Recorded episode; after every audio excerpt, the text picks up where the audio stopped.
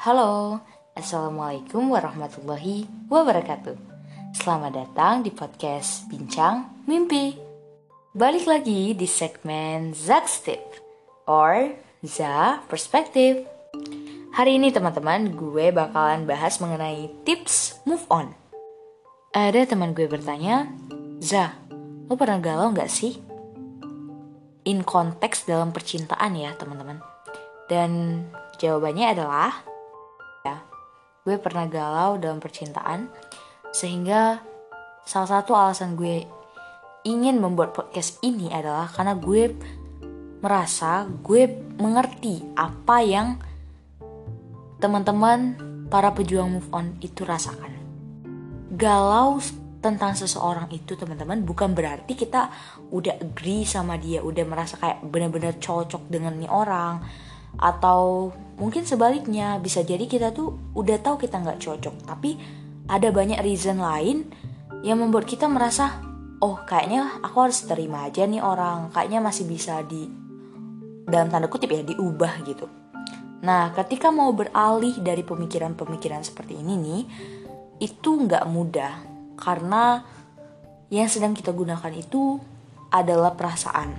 Perasaan yang mendalam yang kadang akal pun nggak mampu mengatasinya sendiri gitu nah gue pengen menggarisbawahi di sini bahwasanya jangan teman-teman menganggap bahwa percintaan itu adalah suatu hal yang tidak bisa kita pikirkan. Itu hanya based on feeling aja. Your thoughts, your brain cannot be function. Kayak nggak bisa digunain gitu. Cannot be functioned Nah, itu yang perlu teman-teman tanamkan bahwasanya you can take over yourself, you can take over your mind. Gitu. Memang gue nggak menegasikan bahwasanya feeling itu nggak ada pengaruhnya, tentu sangat besar. Tetapi teman-teman, ada ranah yang bisa kita atur dan ada ranah yang nggak bisa kita atur.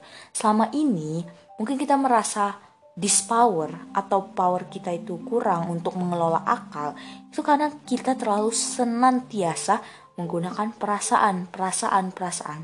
Dan gue belajar dari salah satu buku yang menurut gue bagus, yaitu Filosofi Teras, di mana gue mengatakan bahwasanya feeling itu memang berasal dari alam itu ya, nature, nature base. Itu kita di, diciptakan dengan membawa feeling itu.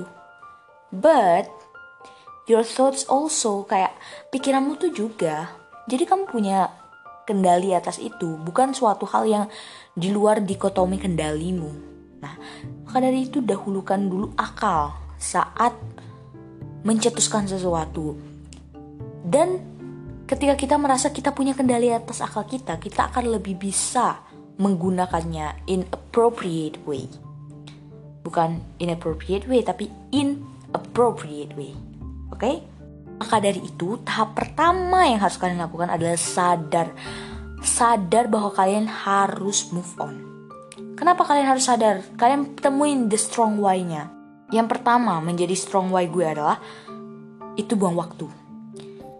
Buang waktu karena gue merasa kita harus tahu nih perspektif waktu itu gimana sih gitu.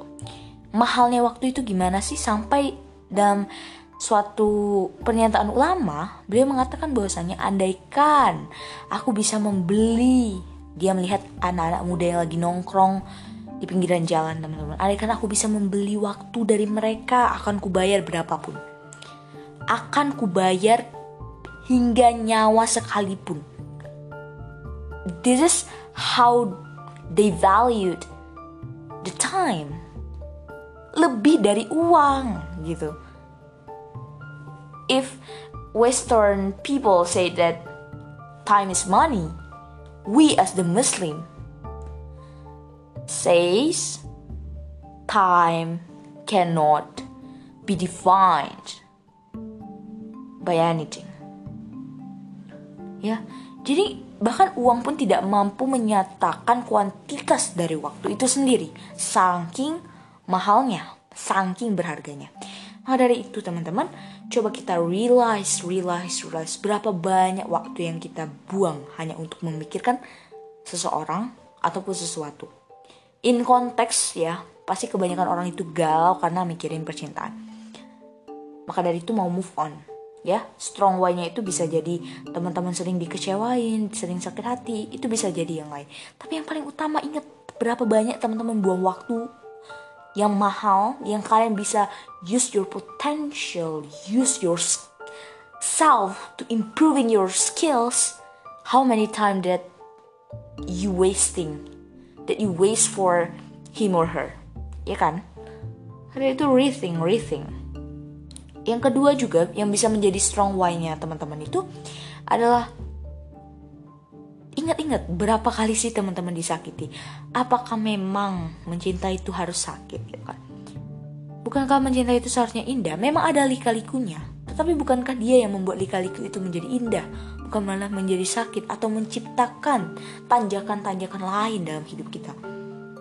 Bukan menghindari masalah teman-teman. Tetapi kalau it is always repentive, repent. Repentive lah ya, repentive lah. Itu kita mikir juga. Kita harus berusaha. Misalnya nih, dalam kesulitan, ya tentu kita akan membantu sesama pasangan, ya kita akan saling support.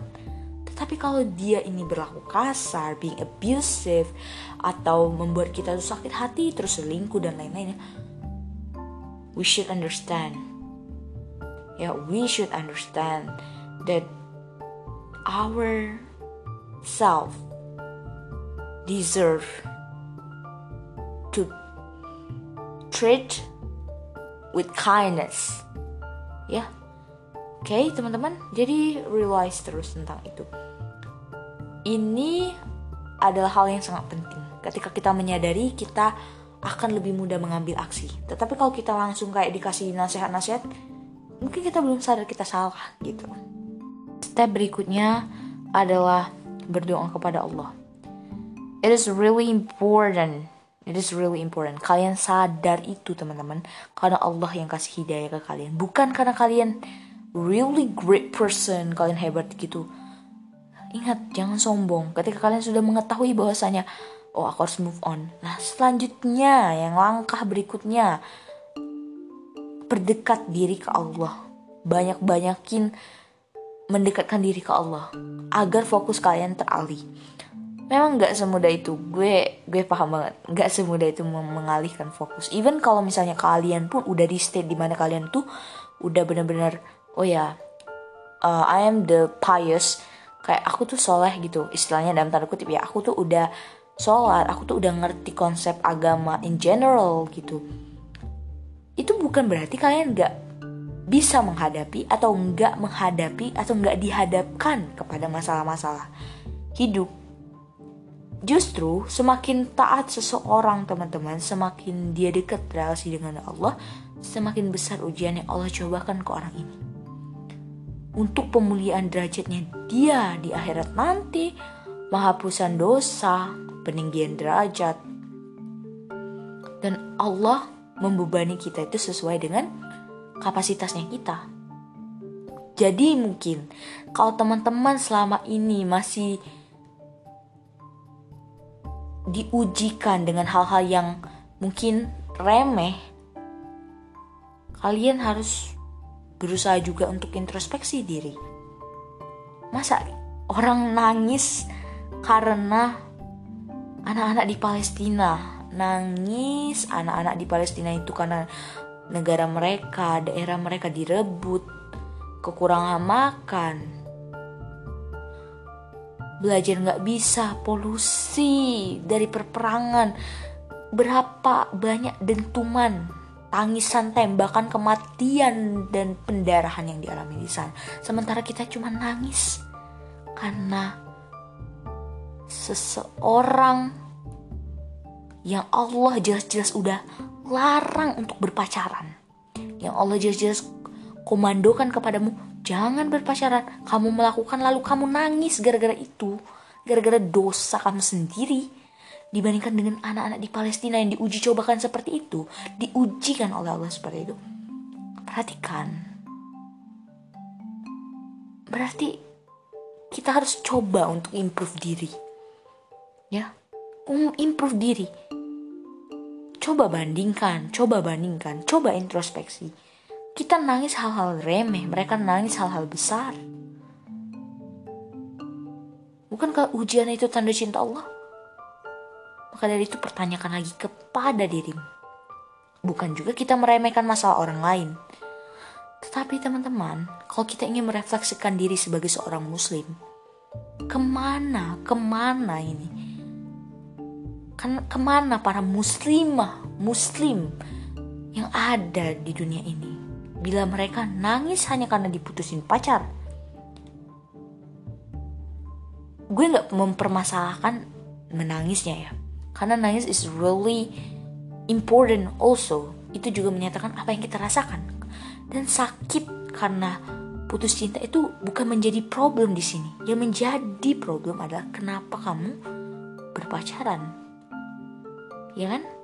Maka dari itu teman-teman gue sarankan jangan dan gak perlu coba-coba dosa gak usah nyemplung untuk tahu kalau tempat itu berair ya gak usah nyemplung ke kubangan-kubangan dosa karena kubangan dosa itu seperti lumpur hisap dia akan menarik dan tidak akan mudah melepaskan kalian kalian akan diikat, kalian akan terpaut, kalian akan tertaut di sana teman-teman.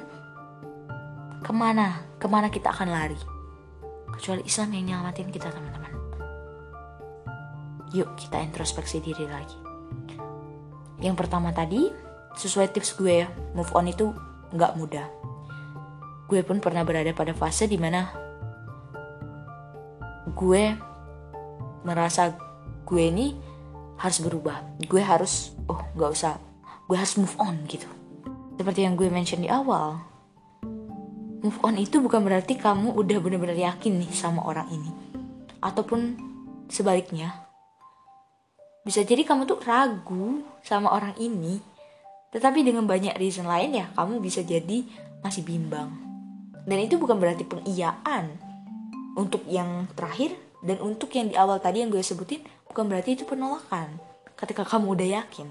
Jadi galau itu adalah hal yang wajar apalagi di usia kita ya dan kita harus melewati fase itu agar lebih mengerti lebih mature lah ke depannya itu pasti dibutuhkan untuk mengambil keputusan untuk menimbang keputusan nah kalian dalam membuat keputusan itu based on yourself dan minta arahan dan bimbingan dari Allah. Yang sesuai tips tadi ya. Pertama, berusaha untuk sadar. Yang kedua, tentu berterima kasih ke Allah dan minta petunjuk Allah untuk langkah berikutnya. Yang ketiga, cut off, cut off, cut off semuanya. Misalnya teman-teman selama ini mencoba untuk move on tapi gagal karena ngelihat uh, eh, SW dia, ya udah block gue bisa mengatakan ya udah blok gitu ya teman-teman karena ses semua upaya udah teman-teman lakuin tapi tetap merasa nggak bisa jadi mengingat-ingat itu adalah langkah terakhir yang kalian dapat lakukan. Tapi disesuaikan juga ya. Jangan sampai gini jangan sampai kalau teman-teman misalnya sekolahnya umum nih teman-teman campur baur kan di kelas misalnya. Nah, kita pas campur baur itu jadi nggak profesional sama orang ini gitu. Itu juga jangan teman-teman ya, karena we have the different world di mana ada klasifikasi profesional, ada klasifikasi uh, educational atau yang emotional. Itu tuh usahakan bisa menempatkan diri di masing-masing bidang itu. Jangan sampai hal-hal seperti itu mempengaruhi hubungan profesional teman-teman. Atau malah kayak minta ah aku nggak mau sekelompok sama orang ini. Dia tuh jahat dia pernah nyakitin hati aku. Jangan kayak gitu. Jadi saran gue di cut off semuanya apa pun. Kalaupun follow sosial medianya dia tapi ini balik lagi ya teman-teman ya. Senyamannya teman-teman sememungkinkannya. Karena gue nggak bisa juga menyarankan satu hal saja karena banyak variasi sebenarnya di dunia ini masalahnya. Masalah bisa satu tapi cabang variasi masalahnya itu banyak. Iya kan soalnya aku suka nasi goreng aku juga suka nasi goreng tapi aku suka nasi goreng teri. Aku juga suka nasi goreng teri tapi terinya teri Medan. Oh enggak aku teri Surabaya. Kan bisa jadi berbeda-beda seperti itu. Dan kalau kita mengatakan in general ya sangat pada akhirnya nanti teman-teman akan mulai menyadari bahwasanya oh ini aku harus pasang benteng bukan lagi tembok ini benteng dari baja sekalian biar udah it's not good for me though. Ya gitu. Tips yang terakhir dari aku adalah memaafkan. Ya memaafkan. I know it's not that easy to forgive someone who has uh, betrayed you or make the mistake that make you feel really undeprived, deprived or unhappy tapi teman-teman ingat, belajarlah untuk bersikap mature, bersikap dewasa. It's not all about you. Kalau kamu sakit hati, it's not all about you. Maybe they are or he or she ya itu merasa dia yang tersakiti Belajarlah untuk membuka pikiran dan mengambil skop yang lebih tinggi atau mengambil skop yang lebih jauh.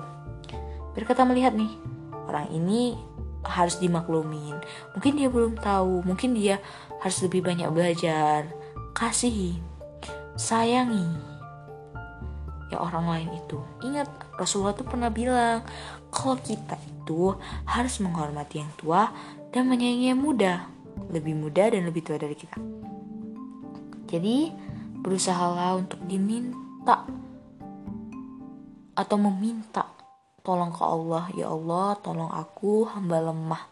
Gantungkan semua harapan ke Allah. Ya masa lalu itu nggak bisa dirubah. Masa lalu itu tetap akan jadi masa lalu. Kamulah saat ini yang harus berterima kasih juga kepada masa lalu karena banyak pembelajaran gak cuman keburukan kok. Bisa jadi masa lalumu menjadi survival guide bagi orang lain di masa mendatang. Tetap rendah hati tetap semangat untuk berjuang untuk move on. Dan mengingat lagi teman-teman dunia ini nih pasti ada akhirnya. Pasti endingnya itu sama rata tapi yang membedakan kita dengan yang lain adalah takwa. Kita akan dihisap bukan dari apa yang orang lain lakukan kepada kita, tapi dari apa tanggapan yang kita berikan kepada orang lain.